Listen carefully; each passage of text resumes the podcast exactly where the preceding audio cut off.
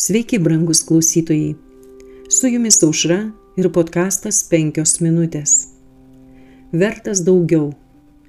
Jis mesijo paniekinimą laikė didesniu lobiu negu Egipto turtus, nes žvelgė į atpildą.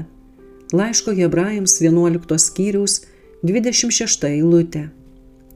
Mozė buvo mokinys, jis turėjo puikų Egipto išsilavinimą bet to nepakako, kad jis taptų tinkamu savo darbui. Dėka Dievo pavaizdos jis turėjo išmokti kantrybės ir valdyti savo aistras. Per savęs išsižadėjimą ir sunkų darbą mokykloje jis turėjo gauti tokį išsilavinimą, kuris būtų jam labai svarbus.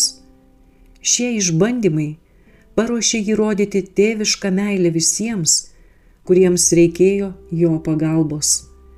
Jokios žinios, jokios studijos ir joks iškalbingumas negalės pakeisti patyrimo sunkumuose tam, kuris turės rūpintis jam pavestomis sielomis. Dirbdamas kukliu kerdžiumi, užmirždamas save ir rūpindamasis jam patikėtą kaimenę, jis turėjo tapti tinkamu, kilniausiam, kada nors žmogui patikėtam darbui - ganyti viešpaties avidės avis. Tie, kurie bijo Dievo, turi būti sujungti su juo. Kristus yra pats geriausias mokytojas, kokį kada nors turėjo pasaulis. Gauti išmintį ir pažinimą iš jo Mozijai buvo daug svarbiau nei visos Egipto žinios. Tikėjimas skatino Mozę žiūrėti į tuos dalykus, kurie yra nematomi ir amžini.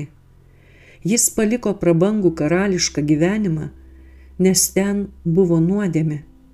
Jis iš, išsižadėjo atrodytų geros dabarties, kuri vilioja tam, kad vėliau sunaikintų. Jį traukė tikrosios amžinos vertybės. Auka, kurią paukojo Mozė, tikrovėje nebuvo auka.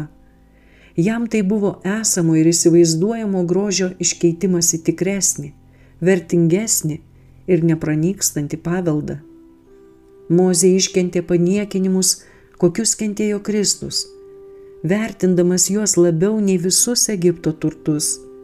Jis tikėjo tuo, ką pasakė Dievas, ir jokie pasaulio pasiūlymai negalėjo padaryti įtakos jo pasirinktame kelyje.